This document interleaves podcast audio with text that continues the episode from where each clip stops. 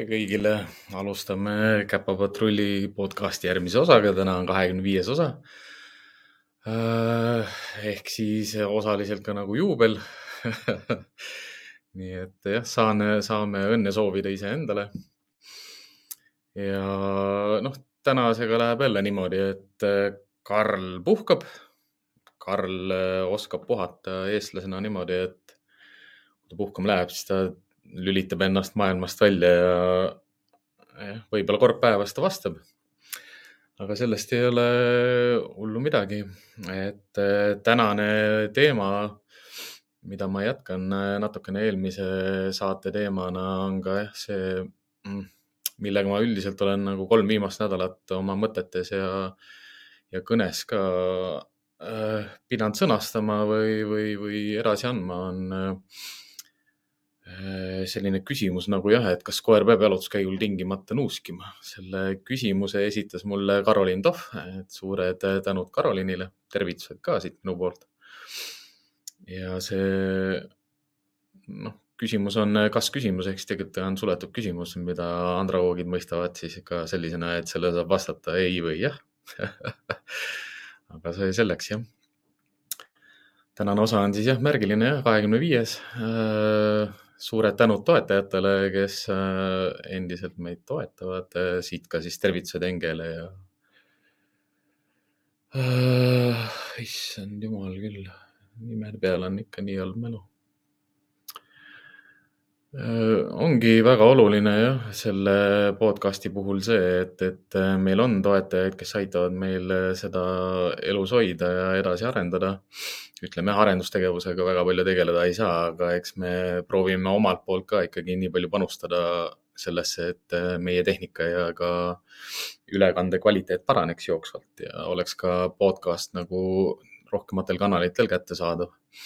Hetkel on siis jah, podcast kättesaadav ainult äh, Apple podcastidest ja kui ma nüüd viimati vaatasin, siis mul on kümme viimast osa veel üles laadimata stardin ja stardin ja luban ja luban ja, ja noh, sinna ta ongi praegu niimoodi jäänud aga kui me tänase osa teema juurde lähme, siis jah, ütleme lühidalt sellele küsimusele ongi esialgselt vastus, et ei, et koerad ei pea jalutuskäigul tingimata nuuskima.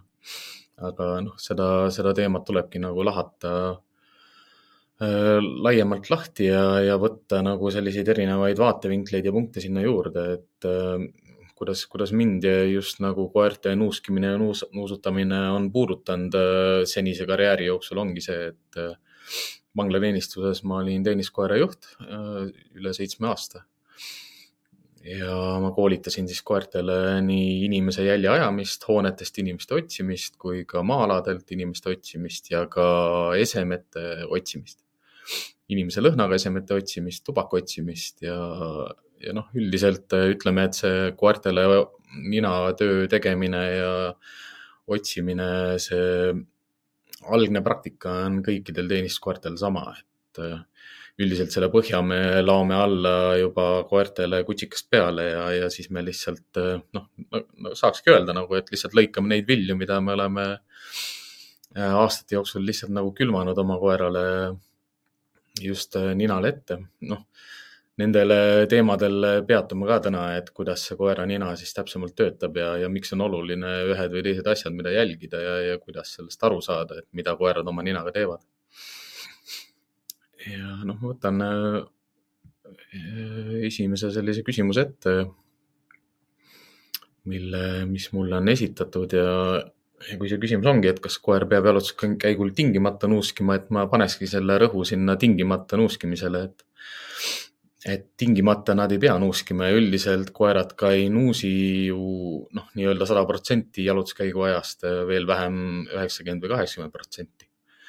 Et kui ma Karolinile andsin vastuse, siis ma toetusin oma teadmised veel noh, isiklikule kogemusele ja varasematele uuringutele, mis üldiselt näitas seda et, et kuni kaheksakümmend protsenti vabalt oldud ajast koerad nuusivad ringi, aga nüüd uuemad uuringud, millega ma vahepeal jõudsin tutvuda viisid selle protsendi alla veel kümne kuni kahekümne kahe protsendi peale. ehk siis noh, üldiselt, kui me koertealaseid uuringuid vaatame, siis tuleb nagu neid kõiki vaadata vähekene sellise kriitilise pilguga, et aru tuleb saada sellest, et äh, koertega on selliseid kvalitatiivseid või kvantitatiivseid uuringuid mõlemaid nagu keeruline teha, sellepärast et koerte varieeruvus tõu ja liini väljaõppe, elukeskkonna ja senise elukogemuse ja geneetika koha pealt on ju nii erinev, et et noh, ei saa sarnaseid uuringuid teha nagu inimestega, kuna noh, koerad ei ole võib-olla ka inimeste jaoks nii arusaadavad veel, et, et me ratsionaalselt saame teha järeldusi. Äh, lihtsalt uuringu põhjal, üldiselt uuringu tegemiseks on vaja mingit kindlat populatsiooni ja seda populatsiooni on üsna raske kontrollida. ja vastused sealt ka uuringutest tulevad sellised nagu selle uuringu põhised või, või nii-öelda küsimuse põhised. Üldiselt ma olen, äh, noh, minu kogemus koertega ongi see, et jah, nad äh, ei nuusi Äh, noh, kuida-, kuidapidi ma seda võtan, ütleme niimoodi, et kui koerad on rihmas ja nad on ees ja ma liigun edasi, siis loomulikult ta läheb nina maha, sellepärast et ta on ees ja ta peab kontrollima ees olevat ala. Vaatame ringi ja uurima seda, et mis eest tuleb, mis ees juhtuma hakkab, mis lõhnad on, mis lõhnad on huvitavad, need ta võtab ülesse, mis ei ole huvitavad, need ta noh, välistab. kui me räägime puhtalt nagu teenistuskoerte töötamisest ja ninaga töötamisest, siis äh, nad kasutavad nina väga palju siis, kui me saadame nad tööle. Noh, olenemata sellest, et kas nad on äh, jäljekoerad, jälituskoerad või narkokoerad või noh, pommikoerad, esemeotsimiskoerad või vere- või spermakoerad, vahet ei ole, ega nad töötavad ninaga väga intensiivselt siis, kui me saadame nad otsima ehk siis käsu peale nii palju, kui ma oma teeniskoertega olen ikkagi nagu vabalt äh, lihtsalt maailmas ringi liikunud, siis ega kui ma, kui ma liigun äh, Tallinna kesklinnas või ma liigun siin äh, maal oma kruusateedel, ega neil ei ole nina maas kogu aeg. Et minu, minu selline kogemus liigub ka rohkem sinna viiekümne kuni viieteist protsendi peale, et et sellist, sellist nuuskimiskäitumist nagu tänavapildis väga palju näeb, kus koerad on nina maas rihmas ja, ja annavad minna, seda, seda näeb vabalt liikuvate koertega üsna vähe. ja noh, ütlemegi, et äh, siin ongi see selline nagu väiksed käärid sees, et, et, et kas koer liigub vabalt või ta liigub rihmastatult ja mis keskkonnas ta liigub, mis, mis tõugu koer ta on, mis liinist see koer on, millele ta on rohkem, noh, millele ta aretus on rõhk pandud, mida ta peab tegema siin maailmas, milleks ta on aretatud siia maailma tegema.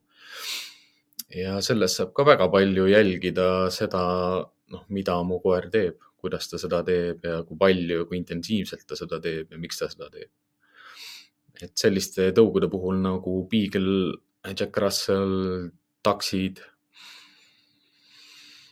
Äh, üldiselt nagu noh, kõik pika, pika või londkõrvalised koerad, ütleme, et Basset Hound'e ja siukseid on vähem näha tegelikult tänavapildis, ütleme, et isegi Vaimar Raanerile on üsna head suured kõrvad, mis aitavad ka tal rohkem ninaga tööd teha, pikemad koonud. Siledakarvalised jahikoerad, noh, nad on mõeldud selleks, et oma ninaga tööd teha ja nendele noh, anna ainult nagu jälg ette ja ta läheb selle järgi nagu traktor Äh, sest ega noh, suuresti ongi ju see nuuskimiskäitumine tingitud sellest, et kui me koera saame, siis me paneme talle rihma kaela. Me lähme temaga välja jalutama, kutsikana nad võib-olla nii palju veel ei vea, aga elu jooksul me ise õpetame neile, et äh, kui me oleme õues, sa oled rihmas minu ees, siis otsi. et koerad ei pea alati otsima toitu koerad võivad otsida ka lihtsalt varjupaika või ohutut kohta ohu eest, nad võivad otsida sõpru, nad võivad otsida paarilist, nad otsi, võivad otsida sõpru. Samamoodi koer võib välja minna ja otsida perekonnast äh, lihtsalt teisi perekonnaliikmeid, see, mida nad täpselt teavad, teevad äh, väljas olles, seda me alati inimestena nagu ise ei suuda tuvastada ja koeraga väljas liikudes üldiselt saab äh, noh, tema kehakeelt jälgides aru, aru saada küll, et, et mida nad nuusivad või, või mida nad otsivad või mida nad täpselt oma ninaga teevad. Ehk siis lühikene vastus sellele küsimusele jah, et kas koer peab jalutuskäigul tingimata nuuskima, on, on ei pea. ja noh, need põhjused, miks ta ei pea, nendest siis saamegi edasi rääkida üldiselt ongi, et noh, kui ma võtan selle järgmise küsimuse, mis mu, mis mu nagu mõttetööd nagu toetab, ongi see, et mida koerad nuusutamisest saavad. ma olen üldiselt äh, sellel küsimusel nagu, nagu peatunud ka erinevatel äh, konsultatsioonidel, et üldiselt koerad saavadki nuusutamisest äh, põhimõtteliselt kõike. et esi, esmane asi, kui ma kellegi konsultatsioonile lähen, uksest sisse astun ja ma kuulen keelavaid käsklusi ja, ja palju saginat ja palju liikumist ja erutunud äh, hääletoone või siis keelavaid hääletoone, siis see ei ole mitte kuidagi suunatud nagu koera ninale, need on kõik suunatud koera silmadele ja kõrvadele. koera nina on koera jaoks väga oluline informatsiooniallika ja vahendina ka nagu asendamatu ja, ja primaarne Äh, noh, mis ongi hästi naljakas ja mida ma saan päris palju korrata, on ka see, et, äh, et inimesed kipuvad nagu arvama, et, et kui koera nina ei ole maas ja ta ei nuusi, et siis ta justkui ei kasuta oma nina ja ei tunne lõhna, et koer tunneb lõhna kogu aeg, et ta nina töötab kogu aeg, kui koera pea on noh, ükspuha mis asendis, isegi magades. lihtsalt see küsimus ongi see, et, et ütleme, lõhna selline instinkt või lõhnafunktsioon võib olla nagu pidurdatud lihtsalt teatud situatsioonides, kus äh, muud stressiallikad on liiga kõrged, ehk siis nina enam ei tööta või siis lihtsalt jah, kui üldiselt, kui koer keskendub hästi tugevalt silmadele ja kõrvadele, ütleme, et sellised tõud, kes on nagu sighthound'id ehk kes siis ongi aretatud sellele, et nad jälgiksid silmadega, vaataksid nende nuuskimise, nad saavad jah, nuuskimist nagu põhimõtteliselt välja lülitada, aga nad ei tee seda mitte selliselt, et teadlikult, et ma lülitan nüüd lüliti ümber, vaid teevad seda lihtsalt äh, oma füsioloogiast tingitult, ehk siis nad suunavad oma tähelepanu ja kogu, kogu tegevuse mujale. aga mida nad saavad nuuskimisest, ongi informatsiooni, et äh, kuskil äh, kuuskümmend protsenti kogu informatsioonist, mis nad koguvad, saavad nad ninaga ninaga nad panevad paika selle, et kes on kes, mis on mis, kus on kus, kus on mis, kuhu ma lähen, mis kuhu läks. Noh, kes kuidas lõhnab, kes kui terve on, kes, kes on, kas on emane, isane. noh, räägime ka erinevatest hormoonidest, hormonaalsetest tasemetest, et nad saaksid aru ka sellest, et kes on paaritumisvõimeline, kes on haige noh, inimeste puhul täpselt samamoodi, et nad saavad väga hästi aru testoster-, nii testosterooni kui östrogeeni tasemest, nad saavad aru nii kost-, noh, issand jumal, närvi, noh, kortisoli tasemest, muudest hormonaalsetest tasemetest, et noh, kindlasti olete kuulnud ka hüpovaertest ja noh, kes siis tajuvad seda, kui suur on äh, veresuhkru, veresuhkru tase minu veres või noh, nii-öelda ütleme siis see hormonaalne tase minu veres. täna on äh, juhe nii koos, et mul ei tule ükski nagu sihuke nimetus meelde äh, et koerad saavad nuuskimisest kõike, et, et see ongi nagu selline lühikene ja täpne vastus sellele küsimusele, mida nad saavad. aga nüüd see küsimuse, see teine pool ongi, et, et vahe ongi nuusutamisel ja nuuskimisel. nuusutada nuusutavad kõik koerad, nuusutama peavad kõik koerad ja koerad saavad nuusutamisest väga palju kvaliteetset informatsiooni, aga meie kui inimeste asi ongi lasta neil nuusutada, mitte nuuskida. Ehk siis seal on vahe sees, kas ta, kas ta rihma toel ajab jälge ja nuusib või ta pea püsti käib ringi ja nuusutab. kas, kas ta rihma otsas ajab jälge ja tirib ja tirimine veel suurendab seda nuuskimist. või siis ta on vaba ja ma olen talle teinud ühe harjutuse, kus ta peab otsima oma ninaga noh, toitu või mänguasju või peidikuid, mis ma olen talle teinud. Et, et sealt tuleb nagu selline üks suur käär sisse, millest äh, väga palju ei räägita, et võtangi siia siia Karolini selle täpsustuse juurde, et väga paljud noored koerte käitumisspetsialistid ütlevad, et nuusutamine rahustab närvisüsteemi, et peab laskma nuusutada, mitte niisama liikuma. noh, mida ma sellest arvan, et äh, nuusutamine rahustab närvisüsteemi sellisel juhul, kui see tegevus on rahulik, ehk siis ta on, ta ei ole kiiresti liikuv, ta on aeglane, seal noh, kindlasti ei peaks olema rihmapinget peal. ja kindlasti ei tohiks sellega kaasneda sellist nagu silmadega otsimist, ehk siis ta ka silmadega samal ajal otsib ja ninaga lihtsalt kinnitab, et kuhu ta liigub, mis suunas ta liigub, mille poole ta liigub et üldiselt, kui, kui koer ikkagi närviliselt liigub, siis ta ei ole rahulik, rahustav närvisüsteemiline, samamoodi ei ole rahustav, kui koer on, ajab saaki taga, see ei saa olla rahulik närvisüsteemile. samamoodi ei saa see olla rahulik närvisüsteemile, kui koer selle lõhna tingimusel hakkab põgenema või kodu poole tagasi vedama. või siis noh, sama selle lõhna sa, sa, saadud lõhna peale äh, Äh, hakkab ärritunult seda taga ajama või ära ajama, ehk siis muutub agressiivseks selle lõhnast tingituna no..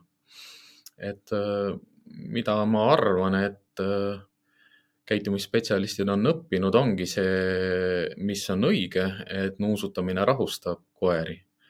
aga selleks, et see nuusutamine oleks rahustav, on seal vähemalt noh, mitu kriteeriumit, ütleme, esimene kriteerium on see, et see nuusutamine, mitte nuuskimine peaks toimuma rahulikus keskkonnas, kus ta saab rahulikult ja keskendunult oma ninaga töötada. noh, üks selline hea nipp, mida te kõik saate kasutada, on see, et näiteks praegu väljas on ilusad ilmad, muru juba kasvab. hakake oma koerale iga päev äh, muru pealt süüa andma, et ta ei pea kausis seda sööma see, kuidas muru pealt äh, süüa antakse, kaks varianti, kas sa siis lähed õue ja lihtsalt viskad selle laiali, ehk siis koer peab ninaga tööd tegema, et leida need toidutükid ülesse parem või hea variant on ka see, et, et tallute mingi ala sisse, kas ruudu või noh, saab teha sihuke S-kujulise ussi ja raputada see toit just oma lõhna peale. Isegi sellisel juhul ei pruugi koer olla väga rahulik ja isegi noh, ütleme noortema koerte puhul ka, kellel on tugev toidumotivatsioon, ega juba see, et ta toitu otsib, tekitab tas nii palju erutust, et ta ei nuusi rahulikult.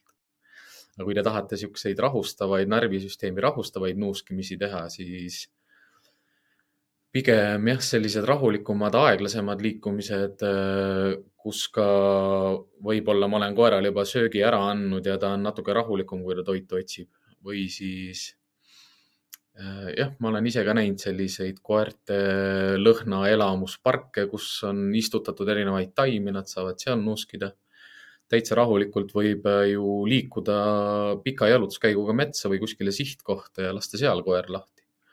Et samamoodi, et, et võtke see esimene suur kiire energia ära ja laske siis koer lahti. ka jälle palju rahulikum närvisüsteem, närvisüsteemile. seda ongi see ju, mida, mida tuleb koera käitumises ja selles aru ka saada, et kas see on rahustav või ei ole, et, et kui koera kehakeel ei ole rahulik, kui koer ise ei ole rahulik, kui ta on erutunud, kui ta otsib, kui ta ähib, kui ta otsib, kui ta jookseb, kui ta otsib ninaga, siis ta ei ole rahulik.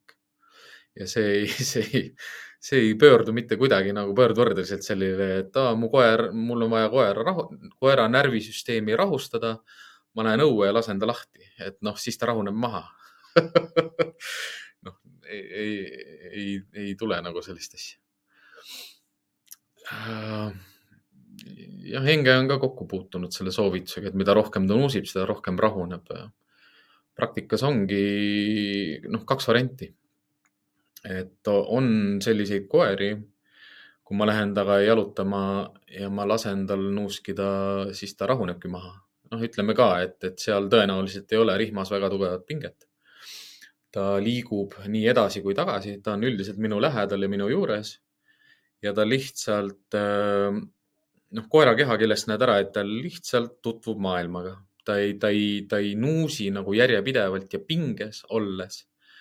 Noh, niimoodi, noh, kui te kujutate ette sellist, sellist liikumist, kus jalad käivad hästi kiiresti ja ta närviliselt liigub edasi, noh, see ei ole rahulik nuuskimine. osad koerad käivad õues rihmas ka täitsa, täitsa rahulikult ja nuusivad ja noh, see ongi rohkem niisugune pea maha, korraks kontrollib, läheb edasi, vaatab jälle, sa näed niimoodi, et tal suu läheb lahti, ta vahepeal hingab lihtsalt nagu õhku sisse et noh, see pilt on hoopis teistsugune. ja noh, teine äärmus ongi seal see, et kui ma lasen, osad koerad on sellised, et kui ma lasen tal palju nuuskida ja ta järjest nuusib, siis järjest närvilisemaks ta läheb. noh, millest see põhjustatud ongi see, et ta kogub seda informatsiooni, mis ta maast saab.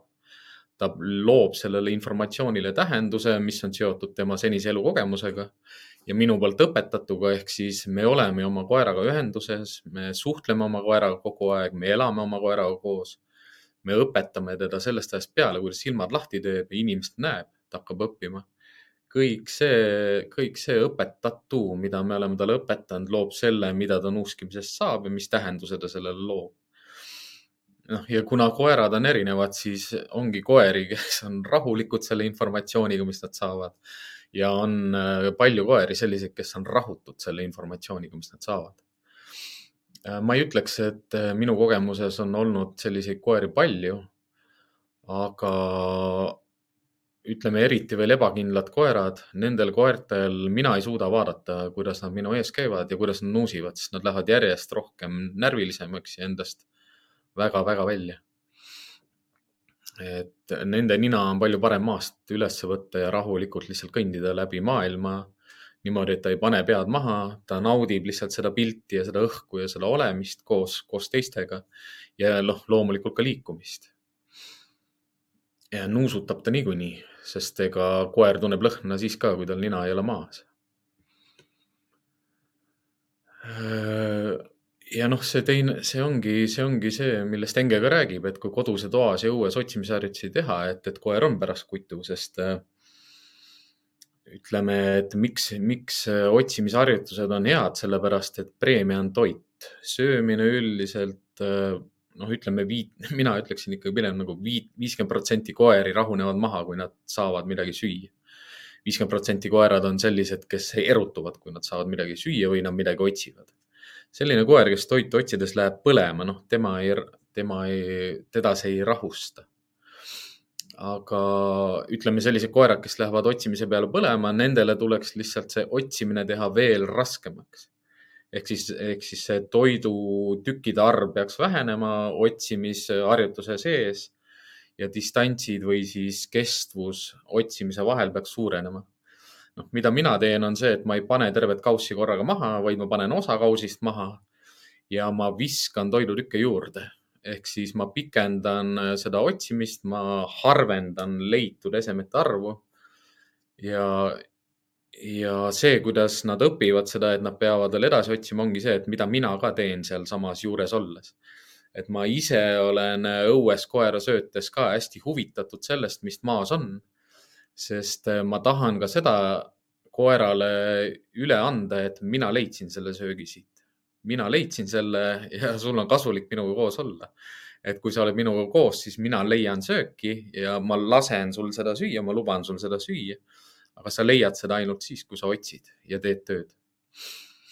ja noh, see küsimus ongi Enge nagu sellele mõtte lõpule see, et kust see kutu tuleb, ongi see et kui me räägime koera füüsilisest liikumisest, siis me peamegi arvestama sellega, et, et me ei pea liigutama ainult koera jalgasid, vaid me peame liigutama ka tema mõistust ja otsimine ja otsimisharjutused on ideaalsed, noh, ideaalne selline kuldtee või kesktee sellele, et ta liigub, töötab mõttega ja otsib.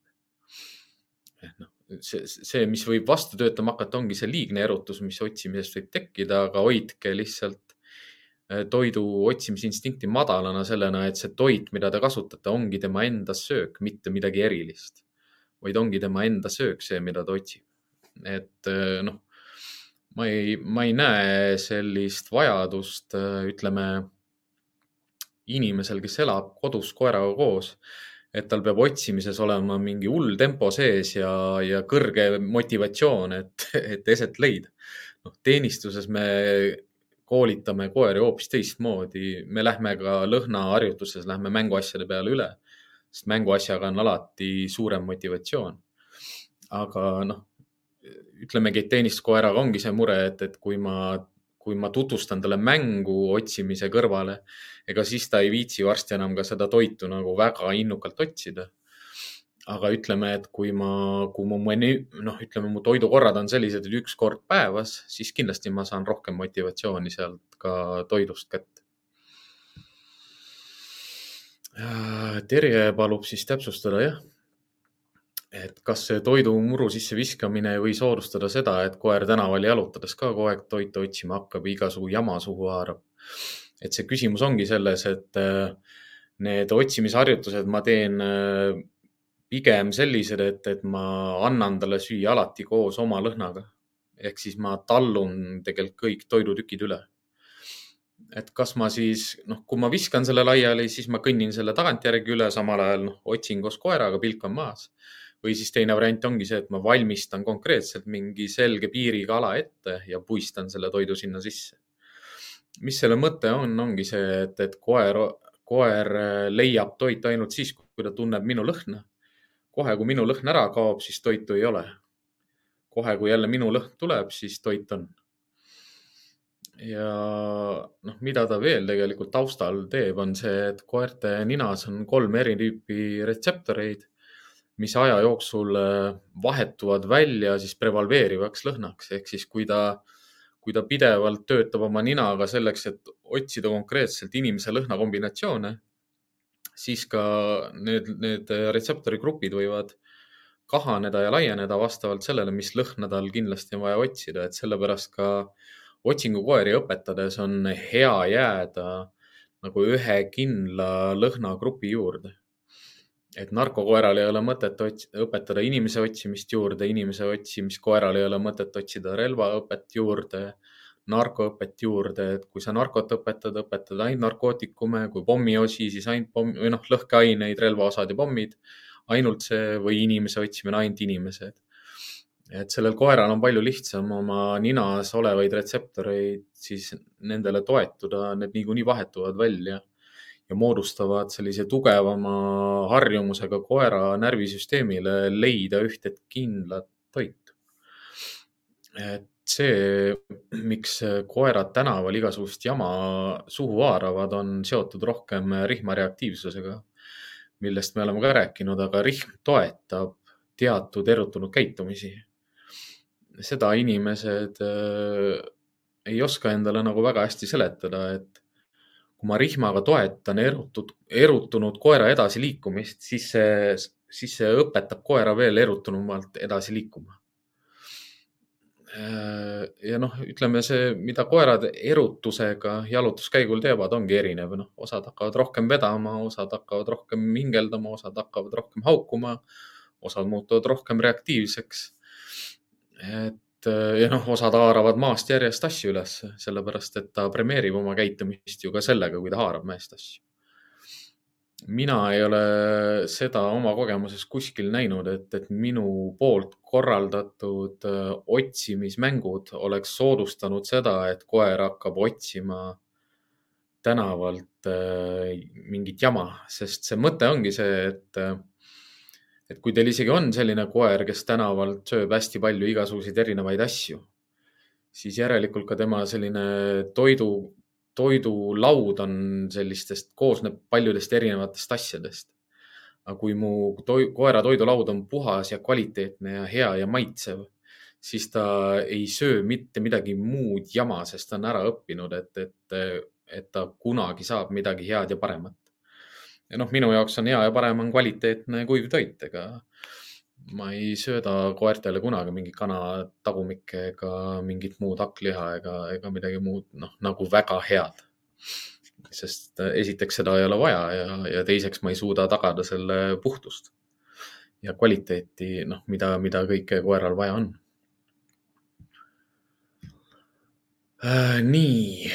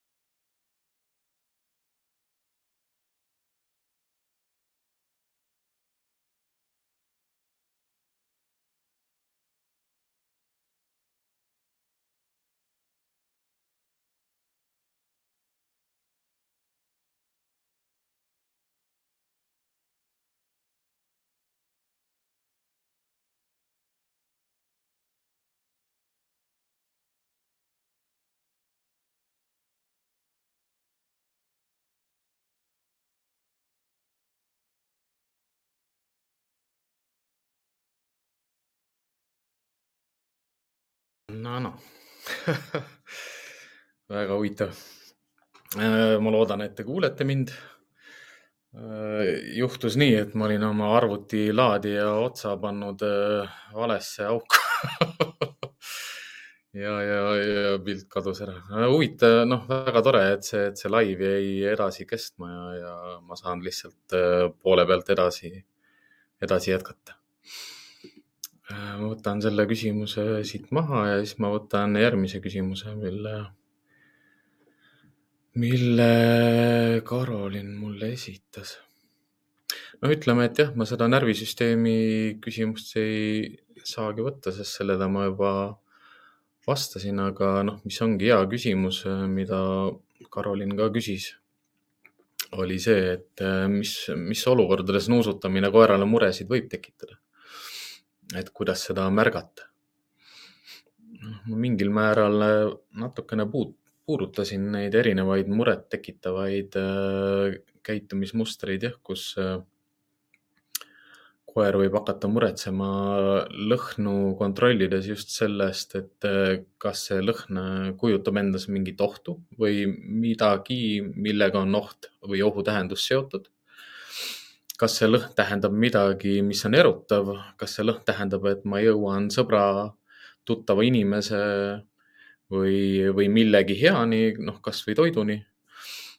kas see lõhn tähendab seda, et noh, kodu on lähedal ja me hakkame varsti, kohe varsti kuskile jõudma? või see lõhn tähendab noh, midagi, midagi kolmandat, üldiselt seda iseloomustataksegi selliselt lihtsalt, et koerad otsivad väljas liikudes midagi, mis on peidus. see, mis on peidus, seda koer ei tea ja see noh, tekitab huvi ja seda tasub otsida. ja noh, kui me niimoodi mõtleme, siis jah, peidus võib olla üks, noh, võibki olla midagi head või midagi halba.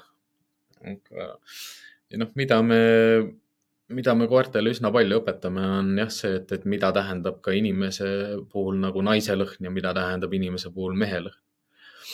ja koera nina on väga võimas, et ega väljas liikudes ta suudab äh, võtta üles erinevad, erinevaid inimeste ja koerte lõhnu, ta suudab neid meeles, meelde pidada, suudab neid eristada ja ta suudab neid uuesti kontrollida, kas need on jäädavalt olemas ja mis suunas need liiguvad.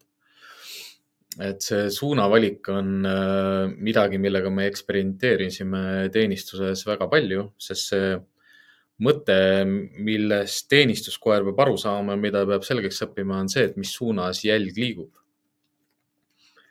ehk siis äh, tehakse selliseid katseid, kus koer pannakse jälje peale jälje keskelt. ehk siis noh, inimene on lihtsalt kõndinud, ütleme kilomeetrine järg, jälg ja ma lähen jälje peale viiesaja meetri pealt ehk siis jälje keskelt koerad saavad aru, kus suunas jälg liigub kuskil eh, noh, kümne kuni kahekümne viie sammu järel. ja see on täiesti hämmastav. põhimõtteliselt see valiku õigsus on sada protsenti, et mina oma teenistuskoerte puhul ei ole pidanud nagu nentima sellist fakti, et ta ajab jälge tagurpidi. et üldiselt nad ajavad jälge tagurpidi kuskil jah, noh, kümme kuni kakskümmend viis meetrit ja siis keeravad järsku ringi ja hakkavad teisele poole liikuma. see ongi see info, mida nad tegelikult suudavad koerad eristada jälge ajades ja, ja nuusutades. ja, ja ütlemegi teenistuses olles koeraga inimeste jälgi ajades ja inimesi otsides ongi see vastutus sul see hästi suur ära tunda koera kehakeelt selliselt, et kas ta on inimese jälje peal või ta on looma jälje peal ja kas ta ajab, kas ta üldse ajab jälge või ta teeb nägu, et ta ajab jälge millest, millest ma räägin, on jah, mõned sellised kogemused, kus see oleneb hästi palju sellest, kuidas sa koera õpetad jälge ajama, kas sa, kas seal jäljeajamise õpetamises on teatud määral sundi sees, kas seal üldises nagu suhtluses ja suhtes on hirmu sees ja milline suhtlus käib läbi rihma ja milliseid rihmatõmbeid sa oled kasutanud selleks, et, et jälje ajamist koerale õpetada. ehk siis see võttis ikka ka minul, ütleme neli-viis aastat aega. et, et saada aru, kui palju mina segan koera inimese lõhna otsimisel mäletan seda Eureka hetke nii hästi, kui ma lõpuks sain aru, et ma pean laskma oma koeral lihtsalt tööd teha ja ma ei tohi teda segada. ja noh, sealt tuleb ka see tagurpidi järje peale minek, et, et kui su koer järsku keerab ümber, siis sinu ainuke asi, mida sa saad teha, on oma koera usaldada Äh, noh, ütlemegi sõna otseses mõttes sitad koerad ja halvad koerad teevad halbu otsuseid, ka teenistuskoerad. Nad võivad ristuvaid jälgi ajada, nad võivad tagurpidi jälgi ajada, nad võivad looma jälje peale vahetuda, aga hea teenistuskoer, kes oskab jälge ajada ja ei aja jälge segamini, ei eksi ja mida vähem sa teda segad, seda paremaks ta saab. aga noh, koerad õpivad läbi kogemuse, et, et see on ju sama, et kui me koertega liigume rihmastatult maailmas ringi, siis me õpetame, nad kogu aeg õpivad ja me õpetame neile erinevaid asju, mida nad oma ninaga teha saavad või ei saa. Aga teenistuses olles on oluline nagu aru saada seda jah, et, et kui sa ikkagi süstemaatiliselt õpetad oma koerale inimese jälje otsimist ja sa saavutad mingeid erinevaid etappe selles jälje ajamise koolituses, siis sa pead ka neid märkama, neid tajuma ja neid, nendest edasi liikuma. Mitte seisma jääma, noh, sest seal küsimus on kõik need, kas vastutuul, külje pealt tuul, põhjatuul, lõunatuul, taganttuul, naise jälg, mehe jälg, looma jälg, ristuvad loomajäljed, ristuvad inimeste jäljed. et noh, uurimustööd on tehtud palju koera jälje, jälje ajamisel ja see, kuidas nad lõhnu tunnevad ja kuidas nad lõhnu välistuvad ja milliseid kombinatsioone nad loovad et siuksed kiired sellised faktid ongi see, et koerale saab õpetada selgeks eh, kuni kümme jälge, koer peab olema või tähendab kümme lõhna. see on väga hea, väga hea koer, kes suudab kümmet lõhna eristada. Küsimus ongi selles, et, et koerad äh, ajavad siis eh, lõhnasid või lõhnakombinatsioone. nii, Enge küsib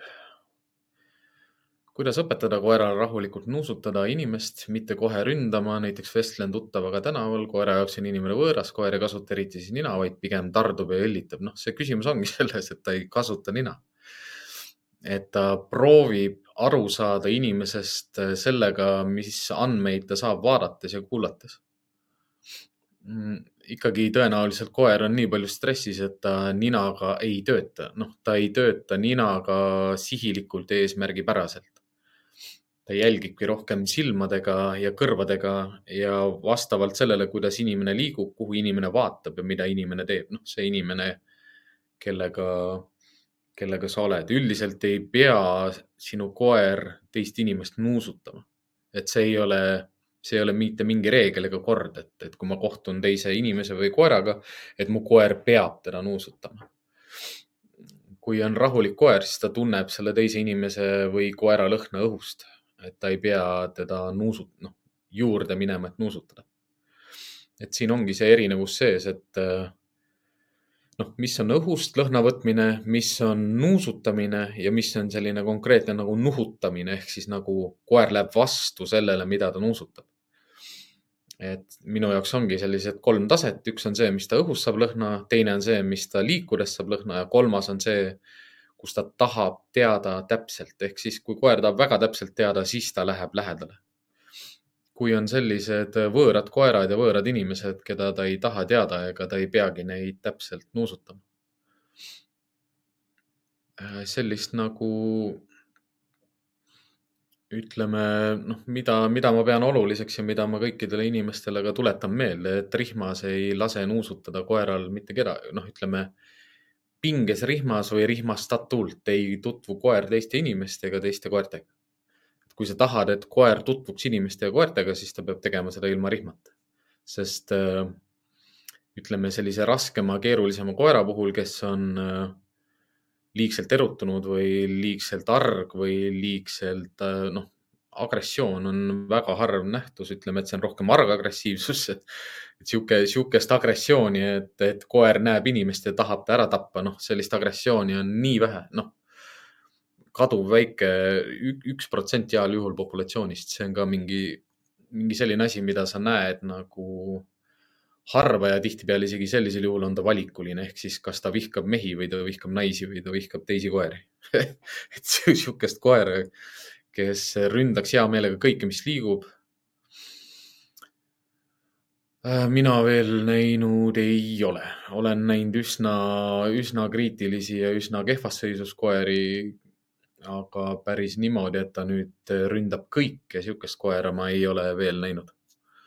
ja seda ei saa otseselt äh, rahulikku nuusutamist tuleks koerale õpetada kutsikast peale, kui ta on väike, kui ta sünnib siia maailma oluline roll ongi siin kasvatajatel ja, ja kutsika omanikel, kes, kes koerad võtavad. et noh, kaks sellist. Äh, ma jätan selle küsimuse siia alla, sest ma räägin äh, kaks nagu sellist mõtet, mis mul üldiselt äh, on seotud oma, oma koolituste ja oma koolidega ka, mis ma olen teinud. et esimene esimene selline lahendus, mis ma Eesti ühiskonnale pidasin nagu õigeks, oligi kutsikakooli pidamine ja kutsikakooli tegemine ja õppekava väljatöötamine. sellise õppekava väljatöötamine, mis aitaks koeri ja inimesi. Seal on väga oluline ja olulisel kohal oli mul alati see põhiline roll, ei katsu, ei räägi, vaata, et kui kutsikas tuli treeningsaali sisse, siis ta ei tohtinud, talt ei tohtinud ennem rihma küljest ära võtta, kui ta on maha rahunenud. Ehk siis me õpetamegi kutsikale kollektiivselt seda, et kui ta siseneb kuskile ruumi, siis ei, ei lennata talle peale, mitte mingit pidu ei hakka pihta. Ja mingit vabadust ennem ei saa, kui sa oled maha rahunenud.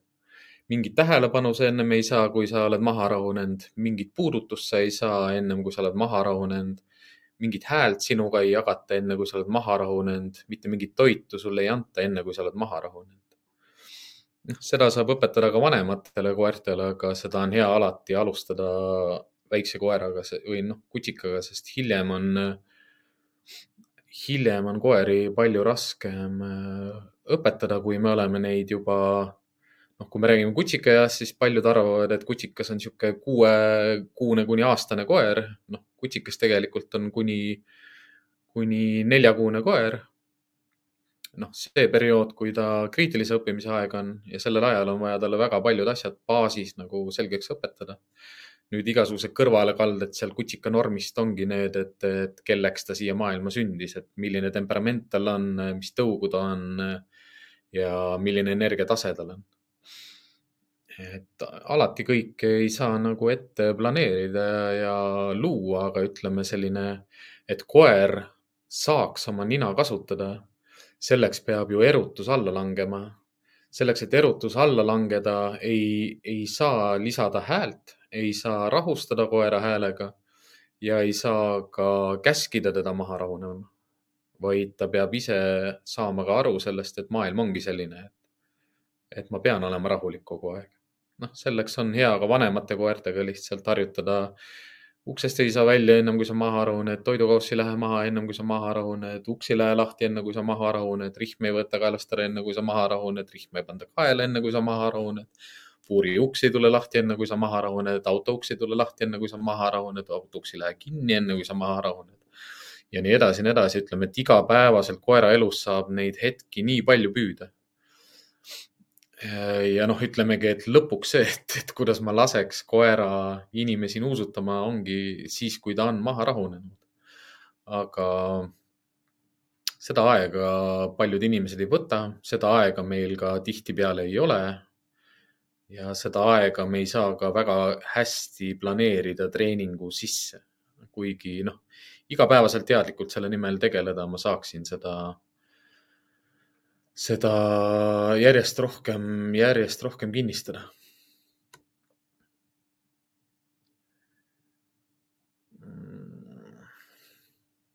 et see ongi,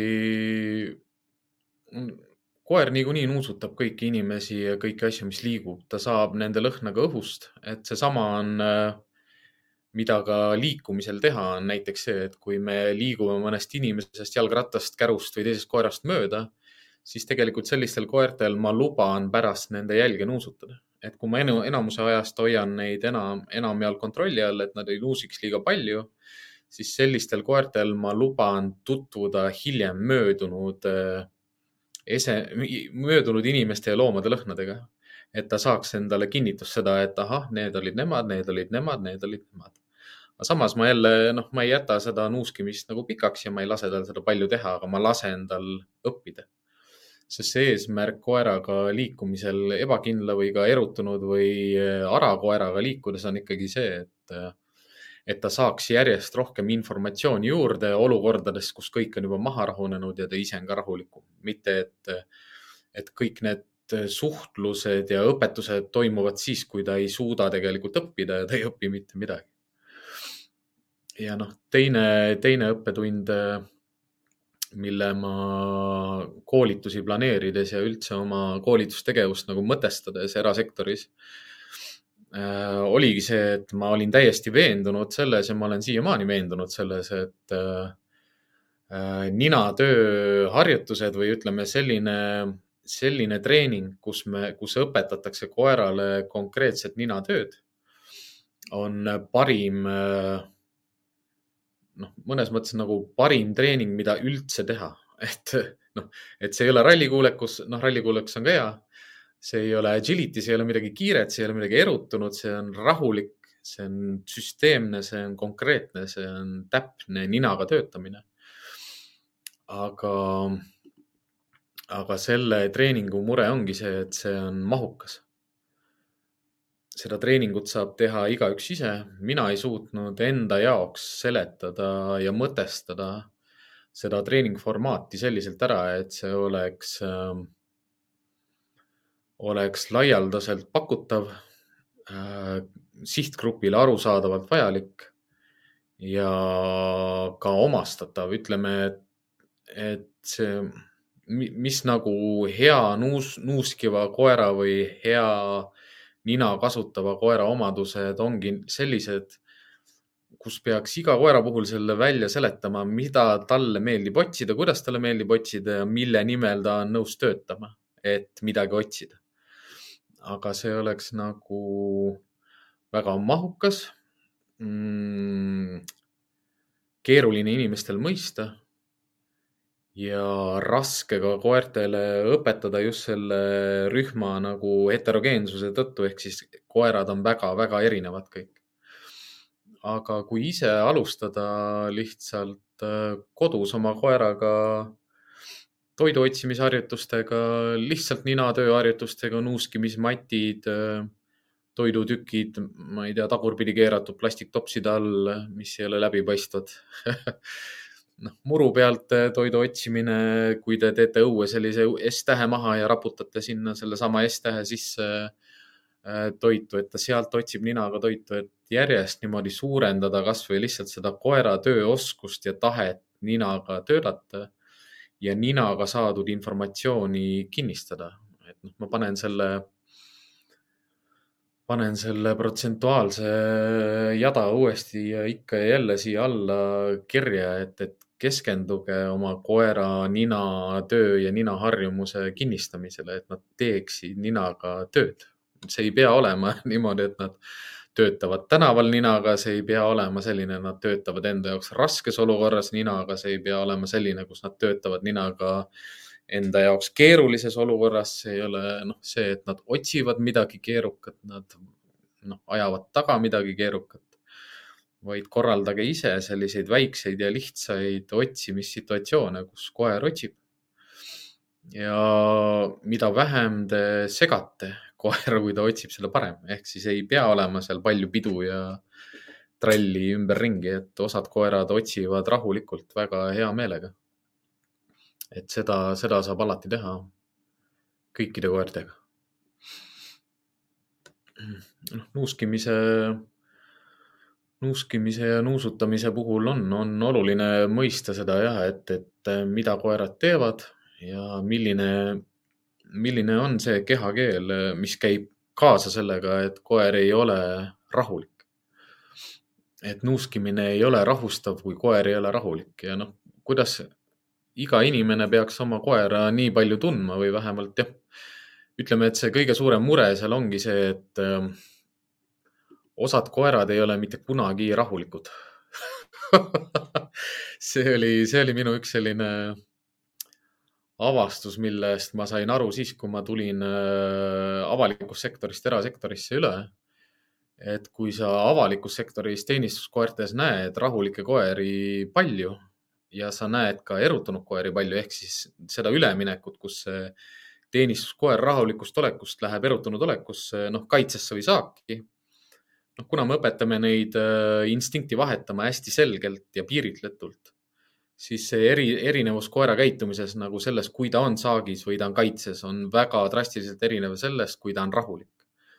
Nüüd, kui sa tuled teenistusest ja lähed tänavale ja näed järjest viiemeetriste flekside otsas traksidega kiskuvaid ja ähkivaid koeri, siis sa saad ja noh, kui ma, kui ma seda koera näen veel oma aias hiljem ja ma seda koera näen ka oma kodus hiljem ja ta ei ole siiamaani veel maha rahunenud kordagi, siis äh, see pilt nagu joonistus väga kiiresti selgeks, et äh, põhiline mure, noh, nagu kodukoertel ongi see, et äh, omanikud ei ole neid rahulikuna näinud. ja kui need koerad on rahulikud lõpuks, siis nad arvavad, et sellel koeral on midagi viga või et, või et see, kui see koer lõpuks maha rahuneb, siis vaadatakse nagu, et, et ta on kurb või et ta on, jah, ta kardab või ta on, või ta on jah, niisugune nagu vältiv või eemalolev aga see oligi hästi huvitav, nüüd mul tuleb see rohkem meelde jah, et kui ma alustasin nende koduvisiitidega, siis see oli ammu, kui ma Facebooki kirjutasin ühe, ühe sellise artikli, kus ma just äh, nagu arutlesin selle paradigma üle või selle dihhonoomia üle või sellise ebakõla üle, mida ma näen, et äh, inimesed ei ole harjunud oma koera rahulikuna nägema. et nad arvavadki, et nende koer on normaalne sellisena, kui ta on kogu aeg rahutu. no siis praegu ma saan sellest nagu kitsaskohast aru, et kui ma ütlen teile, et jälgige oma koera kehakeelt ja vaadake, et ta oleks rahulik.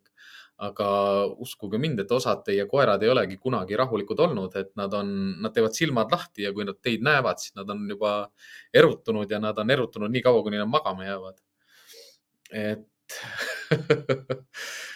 et rahulik koer on äh, rahulik, rahulikul koeral ei ole hambad väljas, rahulik koer ei lä-, ei lõõtsuta erutunult või hingelda kiiresti. ei ole kõrvad püsti, ei ole saba kikkis. Äh, rahulik, äh, noh, rahuliku koera keha kõrvalt vaadates ongi ju selline, et tal on kõrvad all, selgroog sirge ja saba on seljaga samal kõrgusel. isegi ma ei tea, Jack Russell, Fox Terrier, Malamud, Husky, nad kõik lasevad saba alla, kui nad maha rahunevad. et koer ei ole rahulik, kui tal on saba püsti või rullis. See ei ole rahulik koer, see ei ole kuidagi lõdva koer, see ei ole rahunenud koer. et kui te jalutate ka ja te näete, et teil rihma otsas on koer, kellel on saba rullis ja, ja võib-olla teeb viiendat ringi juba peale, see koer ei ole rahulik ta ei ole veel maha rahunenud ja, ja, ja noh, sealt tulebki see sisse, et kui te,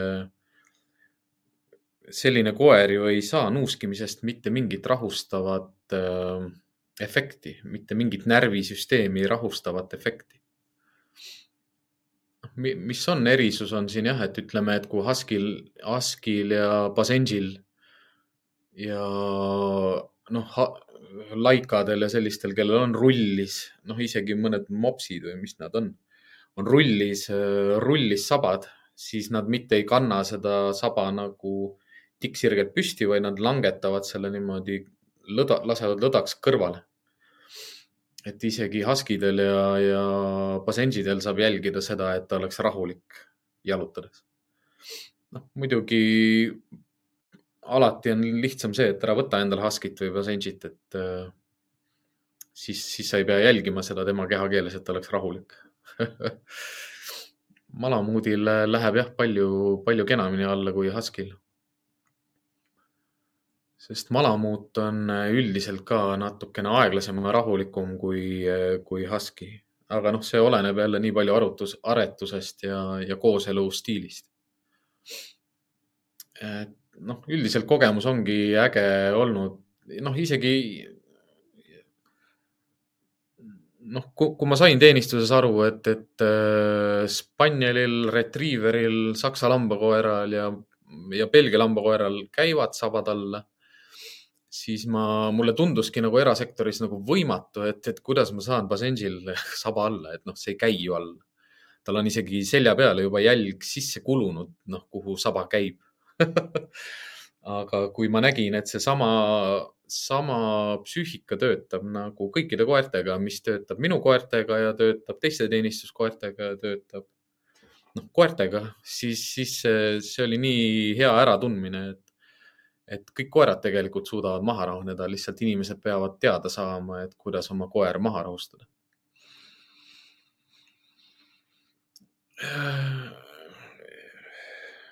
et jah, kui, kui, kui see küsimus ongi selline, et kas koer peab jalutuskäigul tingimata nuuskima, siis vastus on ei. ja koerad eh, nuusutavad niikuinii kogu aeg ja kui nad on rahulikud, siis nad eh, võivad nuusutada nii palju, kui nad tahavad et ühelgi koeral, kes mul on olnud, ma ei, minu isiklikel koertel ma ei ole keelanud nuuskida või nuusutada. sest esiteks nad ei käi minu ees, teiseks nad ei pea ajama jälge ega otsima ohtu ega sõpru ega noh, ma ei tea, midagi, mis on nurga taga peidus või midagi, mis on kuskil peidus. ja nad suudavad, see on täitsa nauditav kui sa saad äh, oma, oma loomadega liikuda selliselt, et nad ei nuusi närviliselt kuidas, muud moodi ei saagi seda öelda. et, et jah äh,. iga, iga koer suudab jalutada niimoodi, et ta ei nuusi närviliselt. ja koera saab maha rahustada kui me mõtleme, noh, rihmas liikumise peale või üldse, kui me eelmine kord rääkisime sellest, et kuidas koer saab toas olla, aias olla ja õues olla. et see küsimus ongi, et see alati algab toast pihta, et ta oleks rahulik. kui ma aeda lähen, ta peab olema rahulik. kui ma lähen aiast välja ja ma lähen õue, ta peab olema rahulik. kuidas ma seda rahu hoian, ongi sellega, et kui ma õue hakkan minema, siis ma ei ütle koerale, lähme õue tule siia, ma panen sulle rihma kaela. vaid ma võtan rihma ja lähen panen koerale rihma kaela, et selles mõttes ma ei pea koera kutsuma ja ma ei pea koerale ütlema, et me lähme õue. ma saan minna ta juurde, panna talle rihma kaela ja minna temaga õue. ma ei lase tal ennem õue minna, kui ta rahuneb maha ja ootab, kui uks on lahti. teine koht, kus ma ei kasuta erutust ja ma palun ja ootan, et ta rahuneks kui ma lähen äh, trepist alla, siis ma ei luba tal joosta, tormata ega vedada. ta peab rahulikult trepist alla minema. kui ta ei oska, siis ma õpetan, ma hoian teda tagasi. ma parandan tema käitumist rihmaga, mul ei ole mitte midagi muud teha, ma ei saa teda sülle võtta. ma ei saa tast kätega kinni hoida. ma pean rihmaga suutma talle kommunikeerida seda, et rahune maha. edasiliikumine ei ole võimalus, võimalus nii kaua, kuni sa rahuned maha kui te elate korteris või majas, teil on nii palju selliseid piire ja piire, piiranguid, millest kinni pidada, kust, kust te saate oodata, et ta rahuneks maha ja me ei lähe ennem edasi, kui sa oled maha rahunenud. ma ei lähe välisuksest enne välja, kui ta on maha rahunenud, ma ei tee aeda väravat lahti ennem, kui ta teeb, kui ta maha rahuneb ja jah, see, mida mida Karolin kordab jah, et stress liigub ka mööda rihma, et see ongi see mure et kui te, kui te õhtul tulete töölt koju ja te olete stressis ja te panete selle signaali, signaalirihma äh, suhtlemisvahendi koerale külla, siis külge, siis see stress liigub mööda rihma ja koer ei saa maha rahuneda, kui te olete stressis. et noh, siit tulebki see noh, poker face sündroom sisse ja tuleb see, see probleem sisse, et me oleme inimesed ja koerale me ei saa teha nägu, et me oleme rahulikud, me peame olema rahulikud, aga äh, olen nõus nagu kõikide inimestega, kes praegu räägivad väga palju vaimsest tervisest ja puudutavad seda. ma saan aru, et me ei ole sellest varem rääkinud nii palju, sest see on olnud rohkem nagu tabuu või mitte, mitte nagu arutelu teema, aga, aga kui sa oled stressis, siis koer saab aru, et sa oled stressis ja seda on, äh, seda on raske nagu koerale seletada, et ja näidata, et ma ei ole stressis. ehk siis jah, kui juba see rihma kaela panek on paras triangel ehk siis koer jookseb eest ära, rullib maast selili ja kui see rihm lõpuks kaela saab, siis vingub, undab, on ju noh. sellise, esiteks ma ei panekski talle üldse rihma kaela mul läheks juba väga palju, ehk siis niikaua, kui ta rullib maas, ma ei liigu tema poole ma ei taha, ma ei pane talle rihma kaela, kui ta jookseb eest ära, ma ei lähe talle, noh, ma võin talle järgi minna, aga ma ei jookse talle järgi. kui ta viskab pikali maha ja rullib maas, siis ma ootan, kuni ta istub ja ootab. ehk siis jah, sisuliselt ongi see, et iga päev tuleb liikuda selles suunas, et sa kogu aeg ootad, et ta pakuks sulle õiget käitumist kui ta undab, siis uksed ei lähe lahti, ma võin rihma uuesti kaelast ära võtta ja viieteist minuti pärast uuesti proovida välja minna. ja nii edasi ja nii edasi. raske ongi seal see, et kui koer on olnud päev läbi toas ja ma tulen lõpuks õhtul, tal on energiat üle, ta, ta ei suuda oma energiat talitada. aga iga koer suudab õppida lõpuks, kuidas ta saab midagi, mida ta tahab. ja noh, preemia võib olla ju see, et uks läheb lahti. ta lõpuks saab välja ei pea, ei pea kohe võtma selliseid suuri ampse ilmtingimata, et äh, null piiksu, null maas vedelemist, null äh, undamist, null ootamist, aga, aga alati igast harjutuskorrast tuleks võtta mingi väike liikumine selles suunas, kuhu ma tahan lõpuks jõuda. Et kasvõi siuksed väiksed, väiksed võidud, mis liiguvad selle suunas, et ta rahuneks maha ma võtan igast harjutuskorrast. Ja noh, me saame ju harjutada koeraga õue minemist iga päev vähemalt kolm, noh hea oleks, kui kolm korda, noh, minimaalselt kolm korda. et kui on neid rohkem või on vähem, siis noh, nii on, aga minimaalselt kolm korda. Ja ma saan kolmel korral harjutada, et, et kõiki neid vingumisi, undamisi, eest ära jooksmisi, maas rullimisi järjest vähendada sest kui ta seda teeb, siis ta ei saa seda, mida ta tahab või mida tal vaja. ja, ja noh, minu kui inimese jaoks ongi nagu võib-olla raske jah, see, et, et äh, ma võin ju oodata, aga kui ma ei ole rahulik, kui ma ootan, siis sellest ka ei ole kasu eks ta on niisugune suletud ring ja, ja põrkab nagu edasi-tagasi, aga eesmärk on alati liikuda selle, selle suunas, kuhu ma tahan jõuda ja noh, nagu te praegu ka nägite, et ma hingan niimoodi lihtsalt korraks sügavamalt sisse-välja ja ma saan sellega ka ennast maha rahustada. ma võin äh, koera seda käitumist oodates ka sügavalt kolm korda sisse ja välja hingata, rahu, iseennast maha rahustada.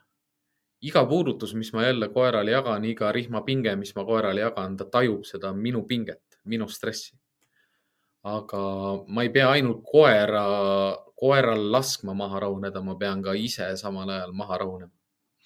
ja see on, see on probleem.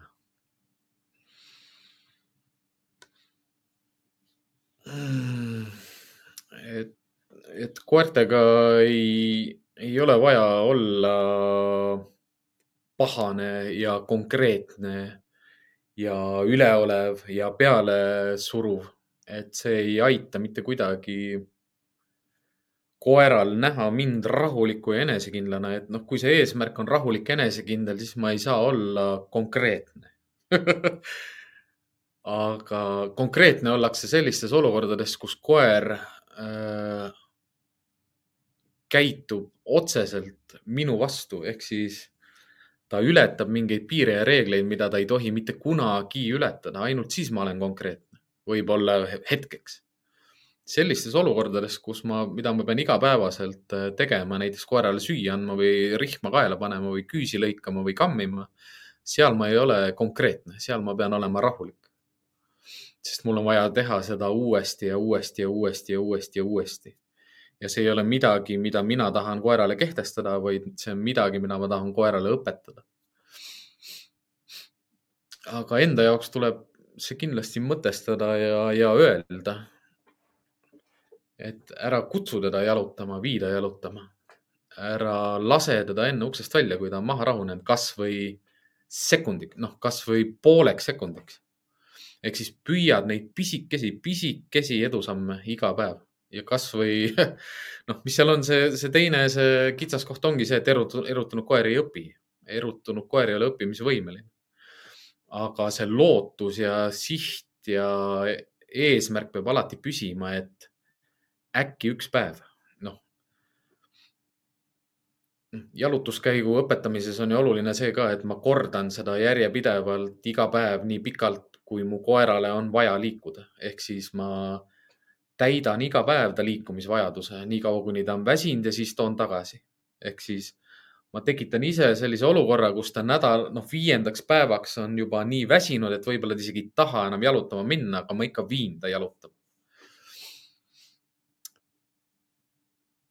ehk siis jah, et, et see konkreetsus selle mõttes, jah, ma saan aru, et, et kin-, et ongi teadvustatud kindlate reeglite ja korra järgi käitumismustrid, mida ma iseendale teadvustan ja ütlen. et kui ma juba tean, et mul on sellised mured koeraga, siis ma tegelen sellega teadlikult ja teadvustatult ja noh, ütleme ikka konkreetselt, et kasvõi mida ma osadele inimestele soovitan, on see, et pane endale seina peale kirja, noh, et pane sildid endale, et noh, et kui sa koju tuled, siis suur silt vahib otsa, et ei katsu, ei räägi, ei vaata, noh, et kui sul läheb meelest ära, siis pane endale siuksed abistavad nagu asjad kuskile, et sa näed, et ole vait. noh, mida erutunum, era, erutunum koer on, seda parem on, mida vähem sa häält kasutad. ja mida jah, selles osas konkreetsem oleks, et need liigutused, valikud ja suhtlus, mis sa koeraga teed, on hästi selged, piiritletud ja konkreetsed. Et sel, noh, ütlemegi jah, et siin on see terminoloogia küsimus lihtsalt, et, et samamoodi, et kui ma räägin kriitilisest analüüsist, et see ei tähenda, et see on negatiivne analüüs, vaid et see on kriitiline analüüs, ehk siis ta on kriitiliselt läbimõeldud analüüs. ja noh, igasugused sellised asjad nagu refleksiivsus või reflektsioon, et kõik mõtlevad, et see on peegeldamine, see ei ole peegeldamine, see on äh, oma tunnete ja, ja mõtete ülevaatamine või kordamine, et noh sellist terminoloogiat jah, on raske aeg-ajalt nagu paika saada erinevate vestlusrühmade vahel. aga ma loodan jah, et ma sain täna valdav osa oma mõtetest, mis nuuskimise ja nuusutamisega seoses on, teiega jagada. Mm, jalutuskäigust ja karjastruktuurist me oleme varasemates äh, ülekannetes endal rääkinud, et neid saab kõiki järele vaadata ja järele kuulata arendustööd teeme edasi ja, ja loodan ise, et, et selle aasta jooksul me suudame podcast'i saada kuulatavaks ka teistes kanalites nagu Spotify ja Google Podcasts. Ja on ka olemas erinevad muud äh, kanalid, kus, kus podcast'e saab kuulata. aga jah tänaseks äh, lõpetame, seda ma jälle ei oska teile öelda ega lubada, millal me Karli näeme. mind te näete kindlasti nädala pärast järgmisel kolmapäeval pool seitse õhtul. Teema ma suudan ilmselt jälle teieni tuua kuskil päev varem või sama päeva hommikul. et nädalad lähevad praegu järjest kiiremaks ja tegusamaks, aga mina ootan iga nädal kolmapäeva. ja see on ka minu jaoks selline teatud nagu vabadus ja mõtete jagamise võimalus, et äärmiselt tänuväärne, et te kuulate, olete olemas ja toetate minu ja meie tegevust. ehk siis aitäh kõikidele toetajatele, aitäh kõikidele kuulajatele-vaatajatele ja näeme teid nädala pärast. Ja räägime siis jälle et mis seal ikka, teadmatus ei ole lollus